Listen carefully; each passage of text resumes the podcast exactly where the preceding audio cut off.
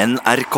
Johan Golden er standup-komiker, programleder og forfatter. Han er fast paneldeltaker i Norges mest populære TV-program, og han lager en av landets mest populære podkaster. Golden har vunnet Komiprisen, skrevet bestselgende bøker og gitt ut flere plater. Men til tross for alt dette, så er planen egentlig å komme seg tilbake til universitetet for å studere. Dette er Drivkraft med Vegard Larsen i NRK P2. Johan Derusy Golden, Det var ikke gærent. velkommen til eh, Drivkraft. Takk. Var det, det var helt feil uttale? Nei, nei. Det var eh, veldig bra, faktisk. Ja, takk. Litt eh, dobbel S, så det er egentlig en derussi, men det, Og det er rett frem? mm, det er rett frem. Ja. Ehm, hvordan har du det? Jeg har det, det litt bra. Ja. Eh, Det er alltid noe å klage på. Eh, Min del bare litt sånn klysete klaging, så jeg tenkte at det skal jeg slutte. Det behøver jeg ikke gjøre. Så litt vondt i ryggen? så- Nei, jeg bare har vært tre uker i Karibia, og dermed er jeg litt jetlagged. Ennå? Enda, så jeg kommer meg ikke Og det er egentlig det jeg klager på. Jeg kommer meg ikke over i Det er ba- bare rot. Jeg har eh, dårlig søyderytme, så når den blir for, forstyrret, så bruker jeg lang tid. Men nå har du vært hjemme over en uke? Ja, ja. Så sek, halv seks i dag morges sovna jeg. Nei, er det sant? Ja, ja. Så det, sånn holder jeg på nå. Det går helt fint så lenge du er i den der, bare, da sovner jeg jo på alle mulige andre dustetider av døgnet, og så har man det gående. Så hvor, hvor mange timer søvn ble det? Nei, det ble tre, da. Det, da holder jo ikke jeg gjennom en hel dag, så da, da sovner jeg jo på et eller annet tidspunkt. Er det ikke, litt, er det ikke egentlig sånn at hvis man har sovet altfor, altfor lite, at man egentlig er litt rusa? Jo, hvis man blir veldig trøtt. Ja. Jo, det er, det er absolutt. Du går inn i en sånn, og så husker du ingenting. Ja. Men eh, Så det er ikke noe særlig. Eh, Men det, man må ha søvn. Men jeg er ikke så avhengig av disse klassiske åtte timene etter hverandre som Men er du en fyr som har problemer med å sove? Ligger du, ligger du og kverner? Nei, jeg får, jeg er ikke trøtt. Jeg er en fyr som ikke våkner. Så jeg, så jeg har hatt mange diskusjoner med meg selv om hva som er best. Er det best å kunne være den som bare sovner med en gang, men som våkner med den minste lille lyd? Det, for meg virker det veldig plagsomt. Eh, mens jeg sovner ikke, men når jeg først sovner, så er jeg, da er jeg gone. Da kan det foregå hva som helst rundt meg. Men øh, det lurer jeg på, fordi de gangene jeg sliter med å sove, så er det jo fordi at jeg tenker på et eller annet. Hodet er et annet sted. Slapper ikke av i kroppen pga. det. Nei. Nei, jeg bare sovner ikke. Jeg er ikke trøtt. Jeg har gått og lagt meg for tidlig. Det er ofte mitt. Jeg er så eksepsjonelt B-menneske. Så de gangene hvor jeg virkelig prøver å Nei, nå skal jeg gå og legge meg tidlig. Det er det dummeste jeg gjør. Eh, Det, for da, da Jeg har et sånt vindu. Jeg må treffe det. Jeg bør helst være stuptrøtt, sånn at jeg sovner i løpet av ti minutter når jeg har lagt meg ned. Og hvis ikke, så blir jeg liggende oppe. Alltid vært sånn. Ja. Alltid vært sånn. Lett å få i seng da, for mora di da du var unge. Ja, da var jeg heldigvis trøtt. Så jeg var faktisk ikke så gæren. Så hun kunne bare gå og si 'gå og legg deg'. Ja, jeg, jeg likte å sove. Jeg liker jo å sove. Men er du, Hvordan er en typisk morgen for Johan Golden? Altså Jeg hadde Kristoffer Schou her, som jo er en tidligere kollega av deg. Han var jo i, i Misjonen eh, som stand- stand-in for Atle Antonsen nå sist fredag. Men Ja. han fortalte at han var sånn ekstremt rutinemenneske om morgenen. Ja, det vil jeg tro han var. Hvordan har du det? Nei, det er ikke noe, sånn, eh, noe sånt, men jeg har jo to barn. Eh, sånn, eh, og så har jeg en, eh, en samboer med utviklet eh, Ekstremt utviklet rettferdighetssans. Eh, så her det, Hva, hva, er det hva er det pent for? det er eh, pent for Vi deler alt likt 50-50. Eh, og det er jo egentlig greit, for det er bare ikke noe diskusjon. Det bare, men det føles noen ganger dumt, eh, selvfølgelig. Men eh, både for hun og for meg. Eh, hvis en har vært på fest dagen før, eller så, så kunne det vært ålreit å sove litt lengre. Og sånn. Men det her kjører vi 50-50. Ja, så det er oppe uansett? Jeg står opp og leverer. Vi er fortsatt sånn at jeg går, følger til skolen. Så jeg gjør det mm, i hvert fall to eller tre dager i uka. Ja. Så det skjer, og det er annenhver gang, og så gjør hun det dagen etterpå. Så. Men eh, det, det er jo egentlig bare hyggelig. Du, du leverer jo uh, ukentlig radio til P4 og ukentlig TV til NRK så lenge Nytt på Nytt er i sesong. Ja. Hvordan er en sånn arbeidsuke? Den er eh, altså Den er ganske sånn Jeg har veldig, det kaller jeg veldig sånn baktung uke. Altså Det vil si at uh, uka begynner ganske rolig, uh, og så blir det mer og mer mas utover uka, rett og slett.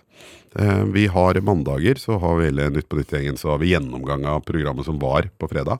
Var dere fornøyd i går? Eh, I går var vi ganske fornøyd, men uh, det var uh, Og det var litt flere. Vi skulle jo egentlig hatt Erna Solberg der, som ikke kunne komme, selvfølgelig.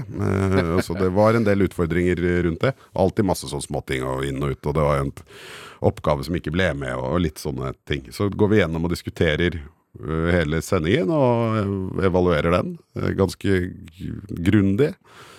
Eh, og så ser vi litt fremover. Da er det mye gjesteprat. Eh, og så begynner vi jo da også å snakke litt sånn her Ja, vi vil vel tro at denne saken kanskje holder seg, men da er man så tidlig ute at det, at eh, det er alt og sånn, vi, vi får vel høre mer om Siv Jensen, var vel det siste vi sa.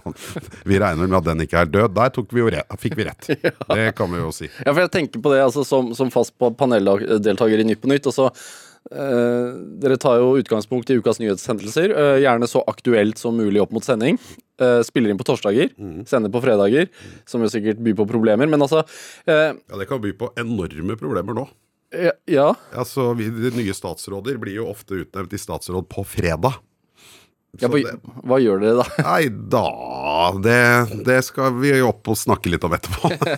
vi, vi håper at det ikke skjer. Ja. Vi kan jo ta litt hensyn til noen skarve komikere og vente litt. Eller i hvert fall si fra hvem det er, sånn at vi vet hvem det er på forhånd. Ja, for jeg tenker sånn, Når, når noe, sånt skjer, altså at eh, hele regjeringskabalen må legges om og Frp trekker seg ut og sånne ting altså, eh, For vanlige folk i gata så er noen blir kanskje glade, noen blir sinte, noen blir provoserte. Men, men for deg, da, som komiker som har den jobben du har, hva går gjennom hodet ditt? Ja, det er litt todelt, fordi først og fremst så er det jeg, øh, Altså, for meg, sånn rent teknisk er det kjempegøy. Altså, det skjer jo noe. Eh, men så går jo nå Frp ut av regjering.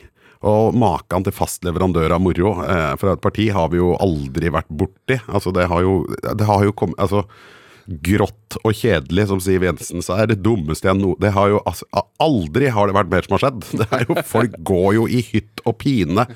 Og det er jo, i, det er jo fullstendig gale, Mathias. Koner blir arrestert fordi de har tent på bilen til mannen. Altså, det, det, det har jo aldri vært Aldri vært mer i kaos, og det har aldri levert mer. Altså, det har begynt å bli så ille at det går ikke an å finne på noe. Altså, virkeligheten overgår jo til enhver tid eh, komikken.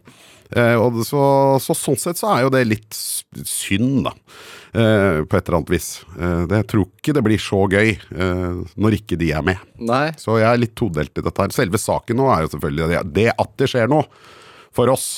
Det gjelder vel også for seg alle journalister og alt som skriver om det. Altså, det når det ikke skjer noen ting, da må du liksom nesten må konstruere sakene selv. Det er ikke noe særlig gøy. Men, men, men føler du at det er en Altså Når det skjer hendelser av den størrelsen her, er det en ekstra forventning til programmet da, tenker du?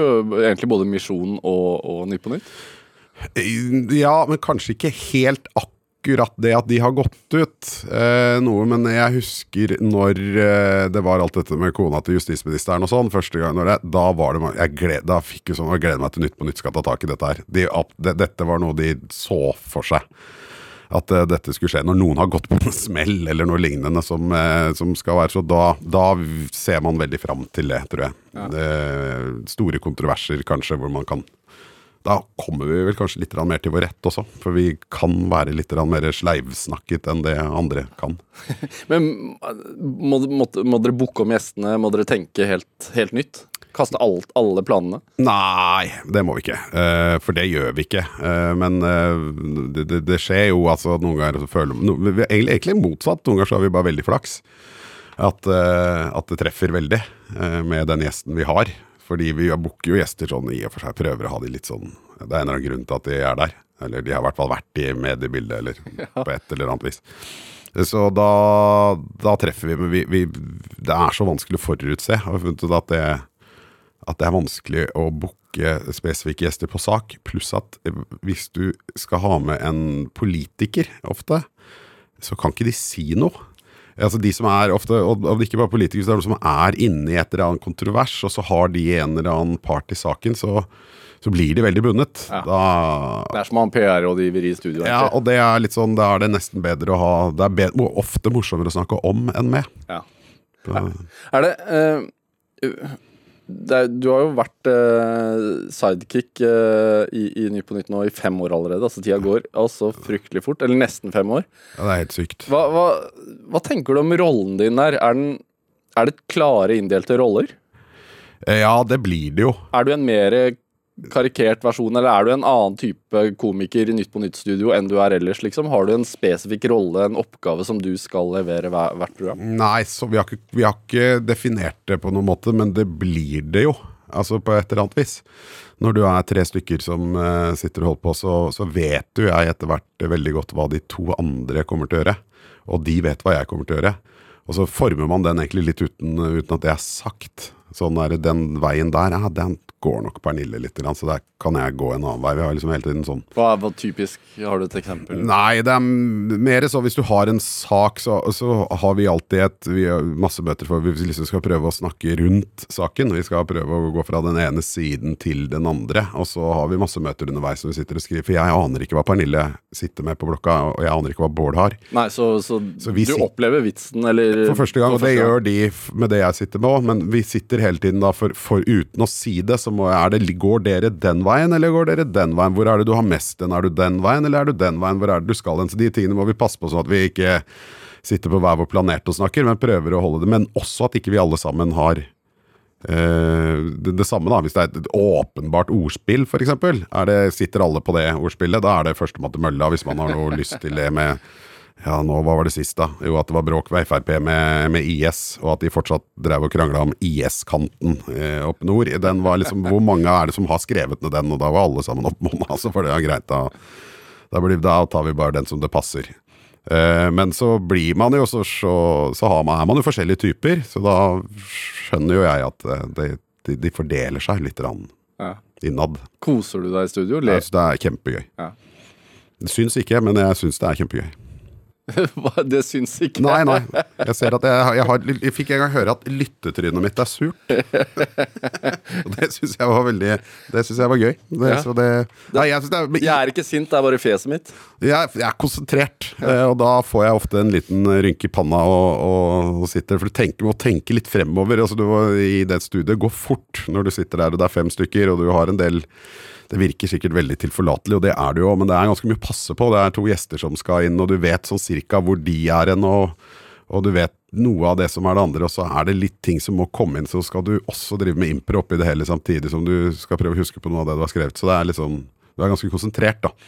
Jeg, jeg tenker det dere får til eh, med programmet Altså, det er jo et av de aller mest populære TV-programmene som sendes i dag, og det, sånn har det jo vært i mange, mange år. Eh, og det, det er jo ikke uten grunn. Jeg tenker dere må jobbe ekstremt hardt med det, men hvorfor tror du at det fremdeles treffer sånn? Jeg tror selve konseptet er veldig slitsterkt, eller det er jo verdens Det er å sparke inn åpne dører, for det har det jo vist seg at det er det jo, i og med at det har gått så lenge. Eh, Men så fornyer det seg jo hver uke, da. eh, I den forstand at eh, det er jo nye saker, og det er nye gjester. Men Dere har blitt modigere, da. ja, det er nok et bevisst valg. Men det handler jo også litt om Og så har NRK vært flinke altså oppi der. Og de som jobber bak, er Norges beste, mener jeg. Eh, Og så eh, har det eller det, med, det har alltid vært en kultur eh, som i den gruppa som har vært der oppe, som er at eh, humor er ordentlig alvorlig. Eh, det, det, det tar vi ikke lett på. Det husker jeg var det var Guri Skavlan eh, som spurte meg, tidligere prosjektleder, eh, om jeg ville overta da, for, for Knut i sin tid. Og så sa han det bare det eneste som er viktig, er at vi, eh, hos oss så tar vi humor veldig alvorlig. Og det eh, husker jeg, det var en av de tingene som jeg ble veldig glad for å høre. For jeg kommer litt fra den samme skolen. Um, og det betyr at hadde vært, folk vært flue på veggen på et par av våre møter, så hadde de sannsynligvis tippet uh, møte om uh, VVS-systemene i en blokk før humorredaksjon. uh, for vi går veldig, veldig all det, det, er ikke mye, det er ikke mye latter og, og ting da, altså når vi skal ned og bryte ned en sak, for da må vi bare finne ut av hva den dreier seg om. Ja, Og så kommer vitsene. tørt. Det er veldig, veldig tørt. Bare Men hvorfor er humor alvorlig for deg? Fordi det er det jeg jobber med. Altså, så det, det, det må på en måte være det. Eh, ellers så føler jeg Jeg må føle at jeg gjør det ordentlig. Ellers så føler jeg at jeg bare fjaser. Det gjør jeg jo i og for seg òg, men jeg må lure meg sjæl litt. Men, men hvordan eh, Det lurer jeg på. Hvordan jobber man frem, frem humor på en, altså på en seriøs alvorlig måte. Nei, Altså. sette seg ned og ta en sak som eh, at feilbombing av eh, sykehus i en, en flyktningleir, eh, og så skal du skrive vitser. Eh, det er ikke lett. Eh, for det er ikke noe morsomt. Det fins ingenting ved det som er gøy. Og, eh, og da er eh, Så kan man jo si, som mange mener, og det er lov å mene, at vi overhodet ikke skal nevne det. eh, og heller snakke om noe annet lettere, da. Men det er i det som trigger meg litt, eh, og det andre er nettopp at det må gå an å få For det er jo det som har skjedd. Det er viktig. Altså at vi lar ikke sakene som eh, Om de går an å skrive morsomt på, det er ikke det som er første pri. Først så er det bare hvilke saker er det som er viktigst. Hva er det som er høyest oppe? Fordi vi har jo alltid med noen tullesaker også, men det er de liksom La oss si klare tre saker som alle skjønner, det er det viktigste. Og det kan man bli helt gal av under flyktningkrisen. Vi snakket jo om den sikkert 25 ganger på rad. Jeg var så lei at det var jo jeg følte jeg hadde vridd ut av den bøtta så mange ganger, men det var det som var på toppen hele tiden.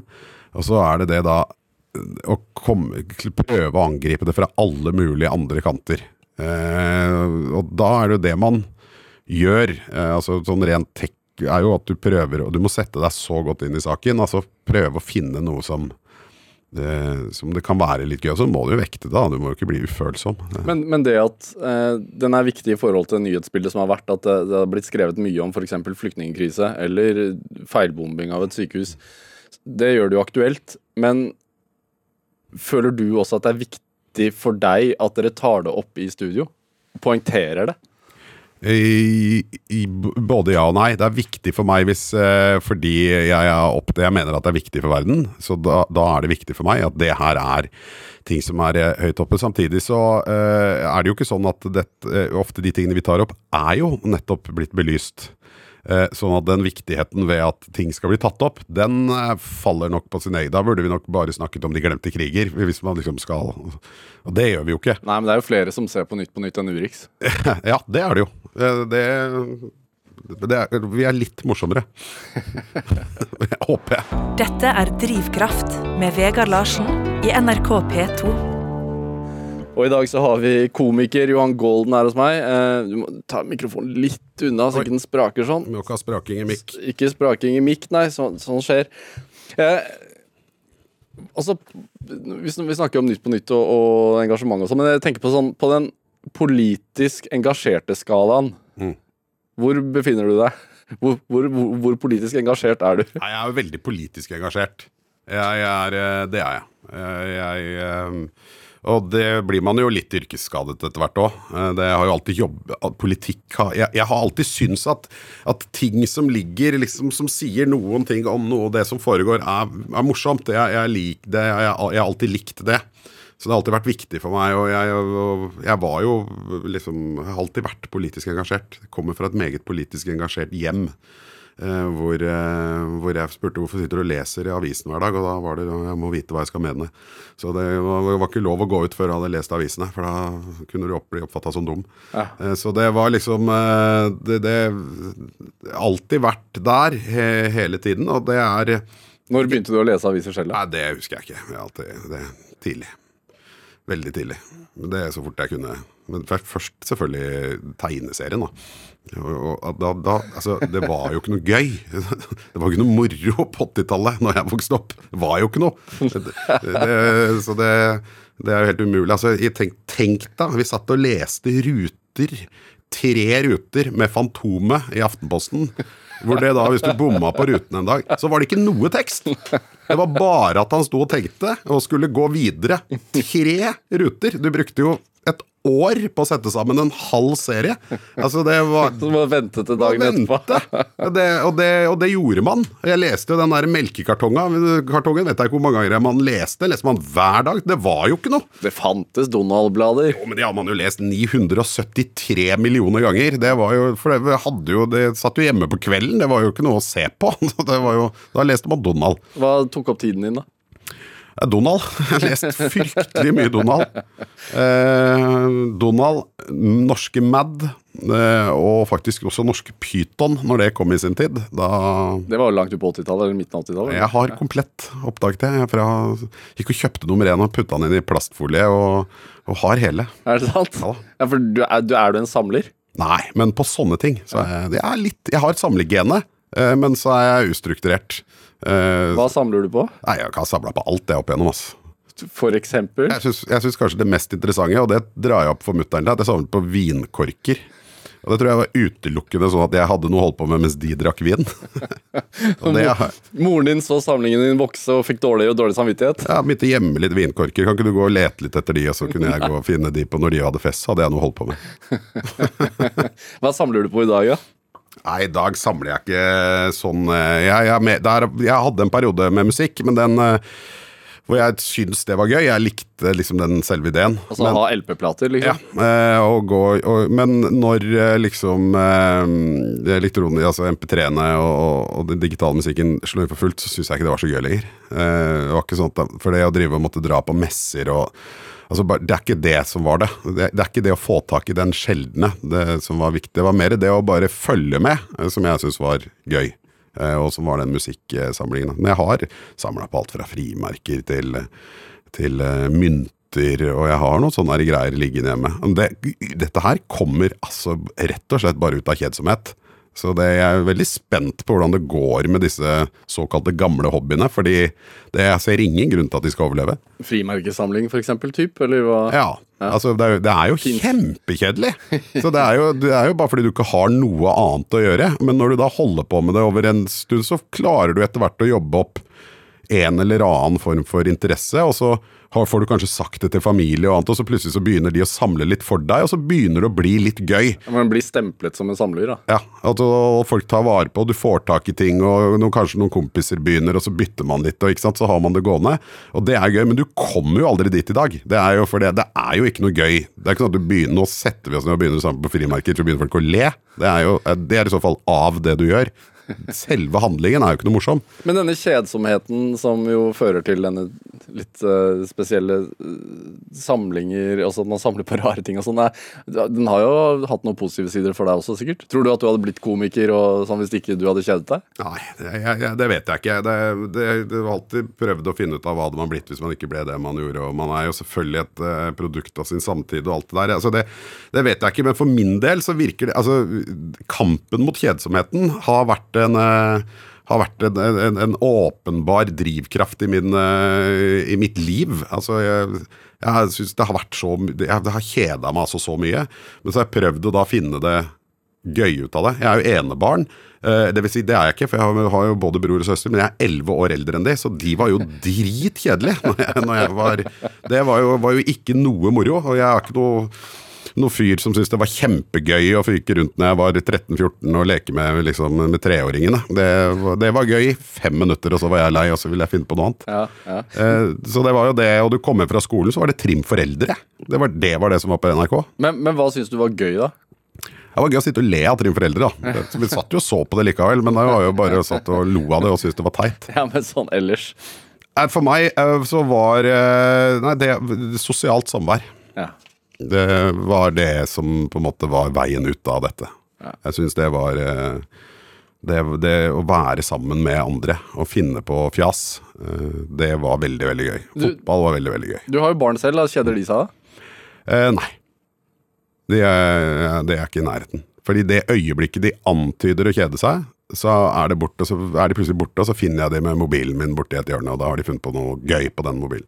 Er, det, er du i den Altså, Har du kommet til den alderen nå hvor du tenker sånn hm, det er ikke bra. Ja, men der har jeg vært hele tiden. Eh, Så jeg har ikke kommet til en valg. Jeg tror ikke det er bra, men jeg tror det er noe annet. Så jeg er ikke det at jeg er så ekstremt motstander.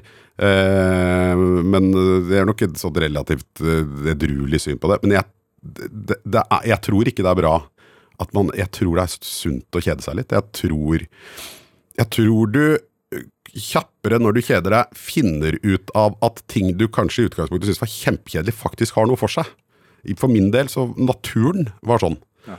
For jeg var veldig mye på hytta. Når jeg var liten, kjeda møkket ut av meg. Syntes det var kjempekjedelig. Ville heller være hjemme sammen med kompiser. Men så måtte jeg jo finne på noe når jeg skulle være ute i skauen i, i to dager. Og eh, etter det så fikk jeg jo på en eller annen måte klart å Jeg skjønte at jeg likte ikke å gå i myr, eh, men jeg syntes det var veldig, veldig kult når jeg kom opp på fjellet. Og gå opp på toppen. Eh, altså, så, så det var liksom jeg, det var, jeg, jeg fant liksom de måtene å gjøre det på. Det, det, men det måtte begynne i et, et sted som ikke var like Begynne i myra. det måtte begynne der nede, liksom. Og så fant jeg jo da etter hvert ut Det var liksom sånne småting som, som var gøy. Sånn egen ting som man kunne finne på. At det var bra steder å leke gjemsel. Og det var liksom en sånn så- Klarte å løse litt. Og den er jeg litt, jeg er litt usikker på hvordan den hvordan det går med de kidsa når de ikke har noe De går ikke innom den derre 'hva skal vi gjøre nå'? Men, men, men sånn, sånn som du beskriver det, måten du jobber på som komiker, altså at du sier at det er en eh, nøysommelig, arbeidsom prosess. Ja. Tror du at du liker det fordi at du en gang i tiden har vært veldig altså, god til å kjede deg? Ja, det kan godt være. Og så liker jeg det, det kan godt være at jeg, jeg, jeg liker jo å, jobbe. Det, det, det tok meg lang tid å skjønne, men jeg syns jo det. Jeg liker å ha noe å drive med. Eh, og, og, og det Da er det, er, jeg, det er litt viktig for meg at det jeg gjør, er viktig. Jeg syns det er kult. At det, at det, er noe, at det er et poeng når man liksom, for å ta den gamle, står opp om morgenen. Så at, det er, at det er et poeng. Ja, og, og, det, og, det, og da må det være viktig, det jeg gjør. Og derfor må man jo investere i det, sånn at det blir viktig. Selv om det er jo per def finnes jo ikke viktig. Altså, Om jeg hadde blitt tatt av dage, så hadde jo verden den hadde gått altså så flott og fint fremover. Det skal du ikke si sikkert. Jo, visse ting kan man si sikkert. Eh, Så det er unntagen i egen familie. Men eh, så, så, så det, er- da må man bare gjøre det viktig. Men kan, men kan det være sånn, eh, altså eksempel på, på fredagens sending som var da, på, på Nytt på Nytt, så påpekte du at uh, angående denne moren og disse barna som, som har blitt hentet hjem fra Syria, at det, det faktisk ikke er lov til å bare hente hjem barna fra Syria og la moren være der. Mm. På grunn av syrisk lov. Eh, et fakta som har uteblitt litt fra diskusjonene. Mm. Det var nå det første du sa. Gjorde det at du faktisk påpekte det, og at det ble med i sendingen, gjorde det dagen litt viktig for deg? Altså at du Nei, men jeg var fornøyd med det. Jeg syns det var gøy å få det med. Og så jeg, hadde jeg vel en hale på det som sa at det er bare norske myndigheter hvor barnevernet er opptatt av å, å skille mor og barn. Eh, så da fikk vi knagga det på en annen sak eh, som ruller ganske mye her hjemme. Altså med diskusjonen opp mot eh, barnevernet, og som, som er en annen side ved saken som kanskje ikke blir diskutert så mye. Jeg, personlig i denne, i denne saken syns jeg det har ikke vært eh, snakket så mye om. Altså, det, det, barnet, det blir bare sagt barnets beste og bla, bla. Det blir mye politikk, og så er det lite snakk om men burde man egentlig Er det barnets beste å ta Er det barnets beste, selv om mora er helt fullstendig ko-ko? Er, er det det? Ja. Eh, Så det syns jeg var ganske gøy. Men jeg, følte ikke at det ble noe viktig. Det er sånn vi holder på. Det er det vi prøver å gå inn i saken og finne, uh, finne vitser som, som lar seg gjøre. Langt ifra betyr jo ikke at jeg mener dette her. Uh, I motsetning til hva veldig mange tror. eh, I hvert fall de som skriver inn. Fordi da, det, det fant jeg ut Det var vanskelig for meg i begynnelsen. For da har jeg alltid vært en fyr som må mene litt av det jeg sier. Hva, hva for noen tilbakemeldinger får du? da? Nei, får eh, veldig mye ARK, selvfølgelig. Altså, vi får veldig mye av et venstrevridd eh, møkkaprogram. Eh, og så, når vi ikke åpenbart slår andre veien, så får vi sånn Jaså, trodde dere hadde litt vett mellom øra? Da kommer det fra venstresida. Hvis vi har nevnt krigen, så får vi høre noe fra de gamle. Altså Det har ikke noe å si hva vi så vi sier sånn, Alle var helt nydelige under krigen, aldri sett bedre. Så får vi bråk, for de hører ikke etter. Og så er det religiøse fundamentalister. Eh, men da gjerne på den eh, harde kristne siden i Norge, da. Altså bedehusmiljøene. Men, men altså selv Og nynorskmafiaen! De er jo, de, de må man jo, hvis du kommer til å si at det jeg, han snakker nynorsk Det går ikke an å snakke nynorsk, det er et skriftspråk. Det har jeg, altså, det, jeg vet ikke hvor mange ganger jeg har fått høre det tilbake. Så det, hva, gjør, hva gjør sånne tilbakemeldinger med deg? jeg leser dem sjelden. De går rett til Kringkastingsrådet. Det, eller de går via prosjektleder, og hvis de fortsetter um, så, så går de jo dit, da. Og da må vi jo svare. Men, eh, men eh, jeg leste det en del til å begynne med, men så er det så forutsigbart. Så det er litt Men det får jo mye direkte, og der svarer jeg på en del. Men er du uangripelig? Nei. Langt ifra, men jeg prøver jo å gjøre meg det, da. Sånn at de tror, de som skriver inn. For det er jo utrolig slitsomt å ha liksom folk på nakken din. eh, Og spesielt veldig mange av de som jeg, de, jeg tror de oppriktig blir eh, De blir lei seg for noen av de tingene du har sagt. Og det er ikke noe gøy. Være, og det, det, er ikke, det er ikke sånn at de finner det på at du bare avfeier det som duster. Det føler det veldig spesielt hvis man har snakket om psykisk utviklingshemmede, eller noe sånt, så kommer det folk som sier men jeg har jo sånn barn som har det, og det, det du sa, det bare reiv ned. Jeg måtte sette meg ned og grine, og dagen var ødelagt, og bla, bla. Altså, du, du har- jo ikke noe lyst til å være en Jeg har i hvert fall ikke noe lyst til å være en sånn fyr som ødelegger dagen til folk. Det, så man eh, prøver jo å sette opp et eller annet form for skjold, altså. Men nå, og svare, da. Til eh, veldig mange av de kall det litt mer trollene. De får en helt annen eh, tone i den eh, Ja, du svarer de òg. ja, i den trompeten når du svarer. For det, jeg tror de bare Oi, svarte du? Å ja, nei, takk skal du ha for tilbakemelding etter det. Og så kommer det ofte seint på kvelden. Men selv om du ikke uh, mener alltid det du vitser om, så jeg har, et, altså, jeg har en følelse av at du Altså, du er ikke redd for å refse eller påpeke ting du selv syns er personlig galt. Og jeg, har også et inntrykk av at du har en ganske sånn sterk Altså at du drives av en sånn sterk rettferdighetssans. Ja, jeg gjør nok det. Og jeg er, det var forskjellige typer Jeg er jo ingen skuespiller. Eh, Jeg har aldri vært noe god til å drive med skuespill. eh, Så jeg klarer ikke den som noen komikere er, som kan ta på seg en hvilken som helst rolle. Det klarer ikke jeg. Og så syns jeg ikke det er så morsomt. Eh, Jeg må I standup-showene mine så mener jeg mye mer, vil jeg nok si. Det er, er det enda viktigere når jeg står på scenen. Det er det er litt mer nakent og litt mer personlig når du står der. Og der er det nok en Der er det ruta mer ned. Men selvfølgelig så er det noe som bare er fjas. Altså Det er ikke noe mening. Det skal ikke menes noe om. Det, det skal bare være gøy. Eh, eh, så jeg har jo alltid vært en sånn som Det må ligge Jeg, det, jeg personlig syns det er morsomst. Men jeg lo eh, det, det morsomste jeg har sett på en TV-skjerm, er første gangen jeg så Eddie Murphys eh, både Raw og Delirious. Og han mener jo ikke noe av de tingene. Altså, det, det er jo ikke noe det, Når han forteller om eh, når mora hans skulle lage McDonald's burger til han, som, jeg, som, eh, altså, som var veldig gjenkjennelig i mitt liv. Eh, så jeg fikk heller ikke lov å gå på Mækkern. Mutter'n mente at hun lagde like bra burgere selv, hun også. Eh, så, så er det ikke noe mening. Jeg syns det var fryktelig gøy. Men han er jo, i hvert fall i de standup-showene, først og fremst en ekstremt god observatør. da. Han Ja. observerer menneskelig handling og tar utgangspunkt i det, og, og leverer det videre på en, på en fantastisk måte. Og banne på TV og var jo grensesprengende på mange vis. Men også er, er du en observatør, og så observerer du folks uh, Ja. måte å oppføre seg på.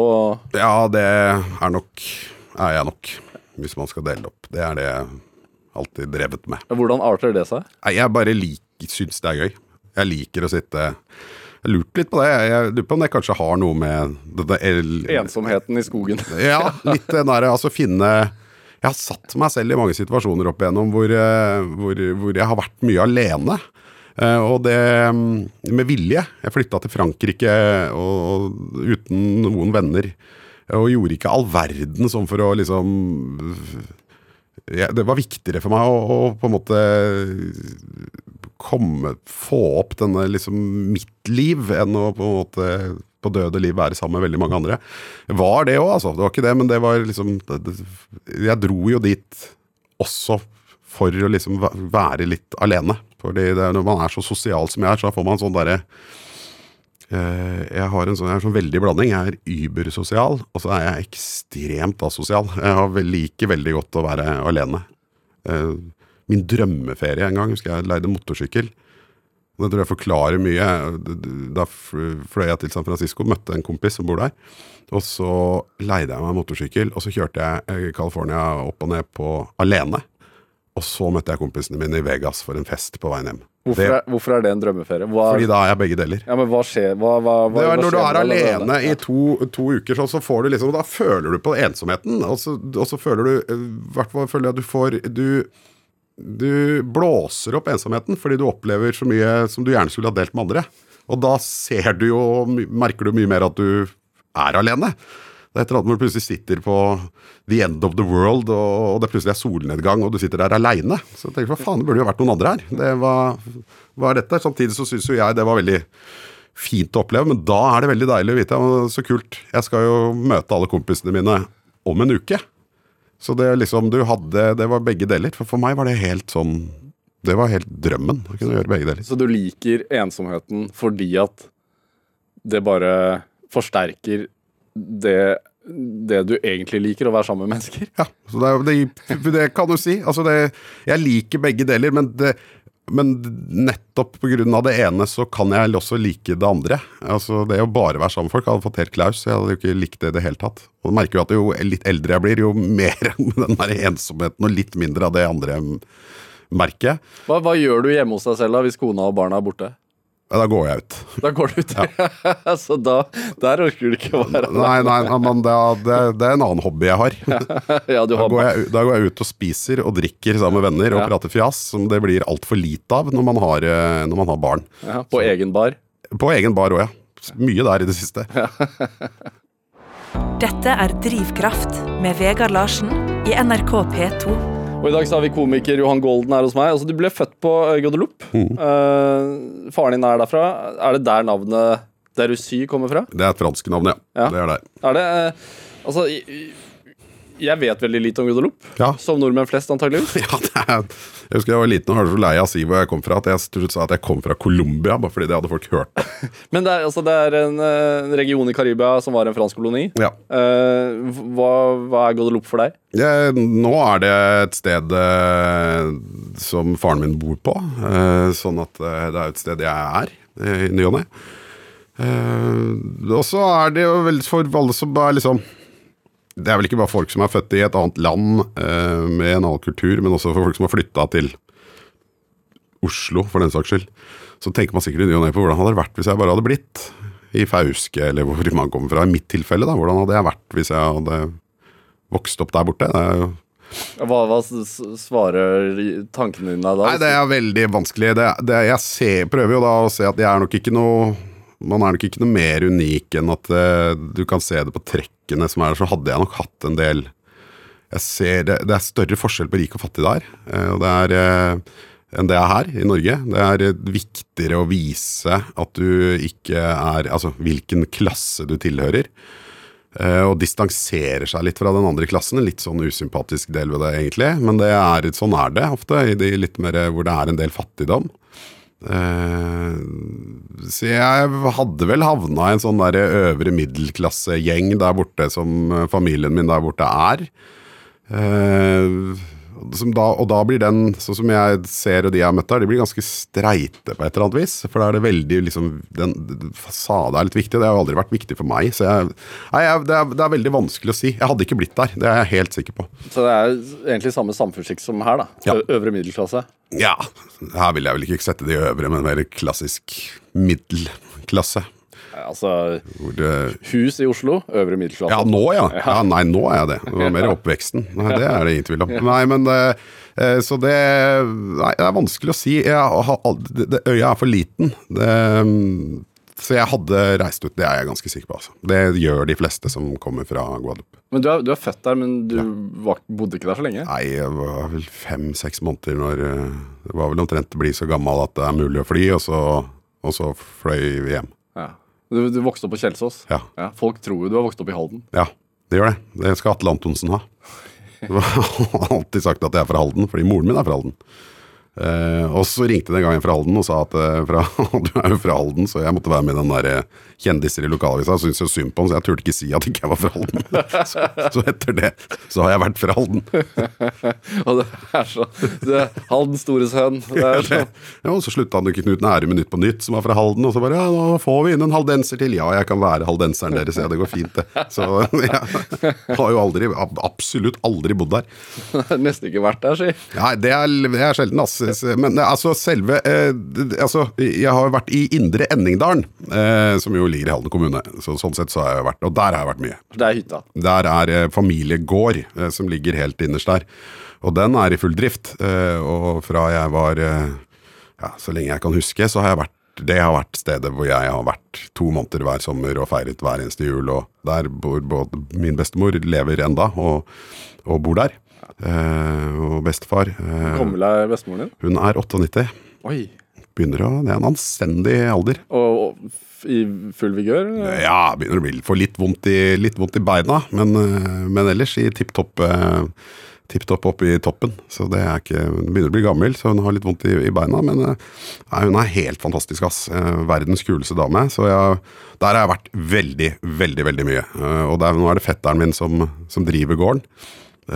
Og så har jeg, for ikke hvor lenge siden, er det tre år siden eller sånn, så pusset jeg opp en gammel husmannsplass som er på gården. Som jeg fikk tak i. Så nå har jeg eget sted der nede, så nå er vi der også mye. Så det er, så det er ikke helt feil. Jeg har hatt mye med, mye med Halden å gjøre. Men er, altså, jeg hører ut, ut fra dette her at røtter og familie er viktig for deg? Ja, på et eller annet vis så er det det. Det, det er veldig sånn øh, den, den, den delen av familien som er der, er jo veldig eh, bundet til dette stedet. Uh, jeg tror Det tok lang tid før jeg hadde feiret jul noe annet sted. Eh, Oslo har jeg vel aldri Jo, en gang har jeg feiret jul i Oslo, men da er det et omstendigheter, liksom. Vi har alltid dratt dit. Det er dit familien samles, og vi dratt, og det er bestemor som er den som alltid har vært liksom den store gravitasjonskraften alle har kommet til henne. Jeg bodde jo alltid hos bestemor, eh, inntil ja, det til mutter'n fikk seg egen eh, sommerhus der nede, hun også. Så det er en svær gård, så det var liksom eh, så vi, Det er det. Det, det. det stedet har liksom Jeg merker egentlig når vi flyttet hjemmefra. Og så flytta jo mutter'n eh, fra Kjelsås til Sankthanshaugen. Eh, som jeg syntes var helt kult. Som eh, veldig smart ting for, for litt eldre folk å gjøre. Når barna har flytta ut, så trenger du ikke hus. Da må du komme deg inn i leilighet og litt nærmere kulturbegivenheter og, og sånne ting. Men da forsvant jo barndomshjemmet mitt, så det var jo litt sånn eh, Da er det, det er gården som er det jeg har igjen, på en måte. Var det, altså, det, dette var jo da du var voksen? Ja, jeg flytta hjemmefra tidlig. Men da, så hun flytta når var det, ja, ja, når jeg var 18, tenker jeg. 1920, noe rundt der. Er det fremdeles litt trist at barndomshjemmet ikke er i Nei, overhodet ikke. Men det er bare noen sånne gøye ting. Ja. Som, så jeg bare merker at jeg setter mer ja, de, de følelsene som man kanskje ellers hadde hatt for barndomshjemmet sitt, å, har jeg overført til hytta. Ja. Så det er der jeg finner sånne gamle fotoalbum og, og altså alle de der tingene som gjør at man det minner som man har hatt fra hele veien. Det er, den har vært konsistent, eh, konsistent hele veien. Så ja. Hva gjør det med deg å komme dit, da? Jeg slapper ekstremt av, for det er virkelig ingenting å finne på. Det, Det er, som i barndommen. ja, ja, nei, det Du jo, jeg blir tvunget til å kjede deg. Har, vi har, det er lakseelv der, sånn at eh, jeg, jeg har selvfølgelig aldri hatt tålmodighet til å drive med noe fiske. Så det er, men det har jeg bestemt meg for at når jeg blir 60, så Eller kanskje nå 70, jeg syns jeg begynner å bli litt for nærme 60 til at det, det høres fortsatt dørgende kjedelig ut. Men jeg regner med at det kommer seg, skal jeg begynne å fiske. Det er en av de tingene jeg skal gjøre når jeg blir gammel. Men altså, jeg tenker, eh, ditt komiske talent Er det, er det et komisk talent, eller er det arbeid? Eh, begge deler. Har du arvet dette talentet fra moren eller faren din, tror du? Nei. Nei, ikke i det hele tatt. Det, sorry, mutter'n. Det, Nei. nei, det må være den rake motsetningen, egentlig. Nei, det, nei, nei, det, det, er det ikke. Nei. Jeg tror eh, kanskje at man er eh, I hvert fall for min del så har venner vært veldig viktig. Altså hvordan har gjengen du vokste opp med? Altså Kjelsås. Eh, hvordan eh, var, hva, var på en måte Hva gjorde man? Hva var det som var viktig? Og for oss eh, når vi var der, var det humor. Det var det eneste. Humor og fotball. Det no, det, har du venner som også er fra den tiden som er i humorbransjen i dag? Nei, men jeg har venner fra den tiden som jeg vil påstå er noen av de morsomste menneskene jeg vet om. Eh, Så at jeg havna der og ikke de, tror jeg er helt tilfeldig. Men det handler om en måte å angripe verden på. At den eh, Det er jo litt den der at man, kommer inn og Nå kommer hele denne verden, og vi begynner å bli store og skal finne på med noe, og så bare eh, Fuck it. Dette lar vi gå. Dette tar vi med et digert smil, eh, hele pakka, og så ser vi hvordan det går. Det er, jeg tenker sånn, Du, du vokste opp på, på Kjelsås på 70- og 80-tallet.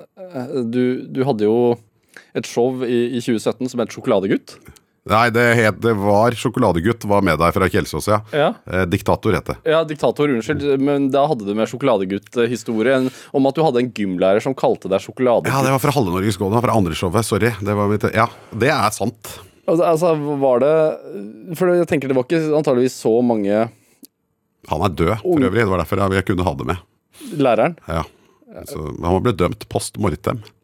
Han ble dømt. Ja, post mortem. Da er du ivrig på å dømme noen. Ja, fra din side? men- Nei, det var ikke min side. Og jeg fikk høre det etterpå. jeg. Visste ikke det. Det var etter at jeg hadde flytta fra Kjelsås. Ja. Så, så ble han tatt, gitt. Eh, Det var jo et under at han ikke ble tatt før. Men eh, det Men det, det, det, betyr jo at det kan ikke ha vært veldig mange med eh, karibisk bakgrunn på Kjelsås. Én, det var meg. Ja. Mm, Og vi var fire som ikke var hvite huden. Ja. Hva, Og det var én fra Jugoslavia, og så var det en som var adoptert fra Sør-Korea. Og så var det en som Monica. Mora hennes var fra Norge. Nei, faren var fra Norge, mora var fra Hawaii. Og så var det meg. ja, samme, så, litt lik bakgrunn som Ja. deg, da. Vi var pakkis. Ja. Ja, vi var de fire pakkisene. Det, det Nei, vi fikk jo høre det. det Kjelsås var ikke noe Var ikke noe Noe annerledes enn andre. Jeg tror de tingene der bare har blitt veldig mye bedre. Jeg, jeg har, tror ikke Kjelsås nødvendigvis var noe verre enn andre steder. Eh, men jeg tror det var, det var ganske det var ganske røft sånn eh, rent mobbemessig. Folk ble mye mobba. ja, deg sjæl også? Ja, jeg ble mobba, men alle ble mobba. Altså, det var, jeg følte på jeg, altså, Mobberne gikk jo etter alt. Altså, det var ikke sånn at hvis jeg ikke var på skolen, så ble ingen mobba. Da var det han med rødt hår og fregner som ble mobba. Eller han høye eller lave eller tjukke eller tynne. Eller, altså, det var, det var en mobbekultur. Folk fikk høre det. Og heldigvis så hadde jeg såpass, eh, av en eller annen grunn, selvtillit, eh, og det tror jeg andre Jeg hadde gode venner, og vi var, var en gjeng, at jeg Det, det dreit vi. Altså, det, og de som mobba, vi skjønte det, det, Dere er jo dumme. Dere er jo uintelligente. Det kommer til å gå dårlig med dere, liksom. Og det hadde vi rett i. Det gikk dårlig med mange av de. Det er jo dessverre en uh, sak ved dette at folk som er de mest utpregede på mobbing eh, og sånn, det er jo ofte en grunn. Det er ikke så bra. Ja, men det er ikke, vanligvis er det vanskelig å reflektere rundt det når man er barn, da. Ja, men vi gjorde det, eh, og det var en klikk som jeg og et par andre Det var et par andre som også ble Som ble liksom ikke passa helt inn. Vi var litt utenfor, uh, utenfor gjengen. Eh, vi var liksom ikke den som Jeg hadde litt eh, beina i begge leire. Eh, for jeg spilte også fotball og var uh, inne Ja, var ganske god. Og var veldig der inne og var liksom en av de populære, da, hvis man skal kalle det det, en periode på den ene. Mens jeg var helt Jeg tror, og det tror jeg handler om min bakgrunn, at, at jeg var veldig opp, nysgjerrig på et par av de nye som begynte. Som var litt annerledes, og spesielt fordi de begynte litt seinere enn meg. Enn, og hvem var de? Og for, for jeg visste kanskje litt om dette, hvordan det var å være litt annerledes. Og vi, de ble noen av mine aller beste venner. og så Jeg var i begge leirer, men noen av de var litt utafor, og den andre ikke. Så det, det var eh, Det gjorde at vi Og det var smarte folk, så vi, vi lo mye av de andre. Altså. Vi syntes jo de var helt på trynet. Det er en veldig god egenskap, da. Er veldig glad for den, for det kunne blitt mye verre. Eh, og jeg så jo flere andre som, som Det var et par som booka under på skolen, altså. Det var ikke bare bra. Av mobbing. Ja. Som, sånn, sånn ordentlig stygg mobbing, liksom. Og ekstremt, helt ko-ko fraværende lærere, liksom, i forhold til hva man kan. Og dette var ikke noe dårlig skole. Jeg tror, jeg tror bare rett og slett det var litt sånn på den tiden der. Man var ikke klar over problemet på samme måte. Men er det øh, Jeg sa innledningsvis her at jeg hadde en teori om at du ikke liker eh, urettferdighet, og at du har sterk rettferdighetssans. Bunner det tilbake til dette her, tror du?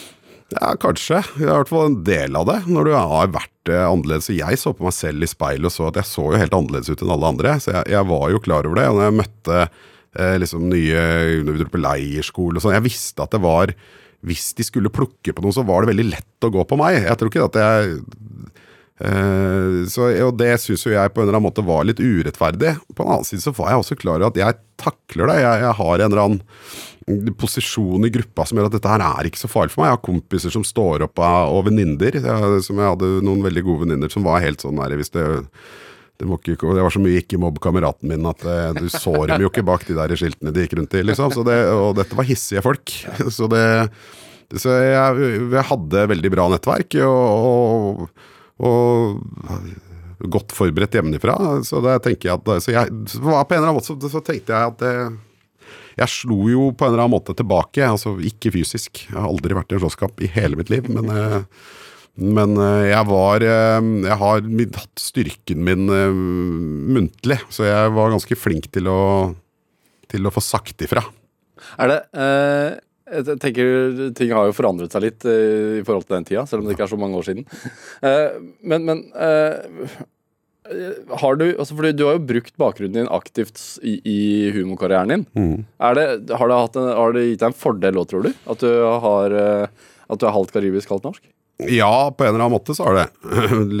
Det gjør jo at jeg at jeg eh, har en litt annen eh, inngang på ting, kanskje. Eh, Samtidig så eh, eh, Til å begynne med var jeg veldig forsiktig. Jeg hadde ikke noe lyst til det. Jeg hadde lyst til å, til å bruke det. da. Jeg hadde lyst til å ikke være den Altså bli han svarte komikeren.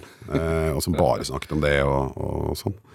Så, jeg, så, så veldig mye rasisme har jeg egentlig ikke, og, og den ting. Jeg har hatt med sånne småting for å forklare litt rundt. Men eh, ja, men det har gitt meg noe mulig Jo, men folk kommer jo fra et eller annet sted. Jeg har jo fått høre det fra begge leire, så det, det, det Jeg har sjelden blitt så skjelt ut. Og ja, den som har, faktisk Noe av de som har sagt det mest rasistiske til meg, jeg har fått fra det fremmedkulturelle Norge, som eh, sa at ikke jeg fikk lov å uttale meg fordi jeg var kokosnøtt. Og da mente de også hva, hva mener du med kokosnøtt? Nei, det er brun utapå og hvit inni. Nei, uff meg. Det kommer fra profilerte mennesker som jeg ikke skal eh. Jeg behøver ikke navngi dem, men det, det, det var i en debatt om, eh, om bruken av ordet neger. Så da, jeg måtte bare holde kjeft. Ja. Men altså, du nevnte jeg ble nysgjerrig, du nevnte at denne læreren ble dømt. Hva ble han dømt for? Han dømt for uh, utuktig omgang med, med mindreårig. Så det var noe pedofili. Oh. Mm. Så det var eh, Det at han kalte, kalte deg sjokoladegutt eh, Det var en kjempesak. altså Den her ble, ble lyst, og den ble tatt opp av avisene en liten periode. Og det ble, det som var rart Jeg var veldig pro han. Dette er smerter jo mange, for det var mange av oss som var det. For, men han var så åpenbart pedo at eh, det var, jeg tror det var liksom eh, ikke mulig for folk å tro at han var det. Og for oss så gikk det helt greit, fordi dette var en mann eh, som ikke hadde noe familie, som jeg vet, men han brukte tilved all sin tid til å gjøre akkurat det vi sa, vi var jo fotballfolk. Så han låste opp gymsalen på skolen og satt der til klokka 11 på kvelden mens vi spilte. Så for oss var det jo en drøm. Eh, og så ble det mye diskusjoner frem og tilbake om er dette her bra, er det ikke bra. Og dermed så tror man vel kanskje også eh, at det, Da er det jo på en måte åpenhet rundt det. Ja. Og det ble masse skriverier, altså. Eh, Og tilbake, og vi fikk ikke lov lenger av skolen, og jeg var forbanna, hvorfor kan ikke vi få lov? Og, og det var bare alt mulig, og det var for mange foreldre som investerte tid i dette her, med å forsvare han som en, som en fyr som bare var genuint opptatt av at folk skulle ha det bra rundt seg. Og det tror jeg han også var, men eh, nå kjenner jo ikke jeg dommen i det hele tatt. Men jeg bare vet at at han ble dømt, og det var en god del år eh, etter at jeg hadde slutta. Og da, sånn, vi var sterke, og de hadde som mutter Jeg snakket med mamma om det, da. for vi var jo på båttur med han og, eh, og alt mulig rart. Selvfølgelig på Langøyene, på nudiststrand. Men det, var ikke noe, det skjedde aldri noe. Og så spurte jeg var du ikke engstelig, og så sa jeg bare nei. For, jeg, for det første var jeg der ikke alene, og for det andre så sa hun eh, sa hun at det, jeg vet, du hadde jo sagt fra. Og det, vi gikk jo igjen den tanken at det vi var, vi var ikke Som ofte sånne mennesker tror jeg går etter svake folk. Eh, og det er de de til slutt knekker. Mens den gjengen som jeg var i, vi var det stikk motsatte. Så det, der var det liksom aldri noe, noe far. Men, men i dag eh, Dette er jo så der, dette, dette var pre-Bjung og alt Ja. dette. Altså, så det, det, det, han hadde hatt så sparken som en eh, det, det hadde vært mulig. Altså, det er jo veldig, veldig synd. Ja, Og det litt trist ja, ja. for alle involverte. Nok, om, nok om det, holdt jeg på å si. Dette er Drivkraft med Vegard Larsen i NRK P2. Og i dag så har vi komiker Johan Golden her hos meg. Eh, altså, denne trangen til å underholde og være morsom, hvor kommer det fra? Nei eh, Ja, hvor det, Er det genene, er det Ja. det du spør om? Er det, det, nei, jeg veit ikke. Jeg har ikke peiling. Men hva tenker du er drivkraften din, da? Altså, det, det er jeg Drivkraften min, den Altså, det, det tror jeg er todelt. Det er en ekster... Jeg har alltid hatt en ekstremt Vi har alltid gått etter det gøye. Jeg har prøvd å oppsøke morsomme situasjoner. Sette meg selv i både miljøer og, og situasjoner som jeg syns er morsomme. Jeg har alltid, når jeg skal begynne på noe, begynt på toppen. Det har vært min eh, livsfilosofi. Hva mener du med det? Nei, jeg har gått for å bli direktør jeg, når jeg skal jobbe et sted. Så jeg har søkt på den, så har jeg kanskje fått umiddelbart beskjed om at dette er du ikke kvalifisert til. Og så har jeg hoppet nedover den stigen, men så har jeg kanskje stoppa over Kanskje jeg slapp det nederste trinnet ved å bare gønne på øverst. Og det, er, og det tror jeg bare har ligget en sånn greie med at jeg skjønner ikke hvorfor jeg skal gå rundt og ha det kjedelig.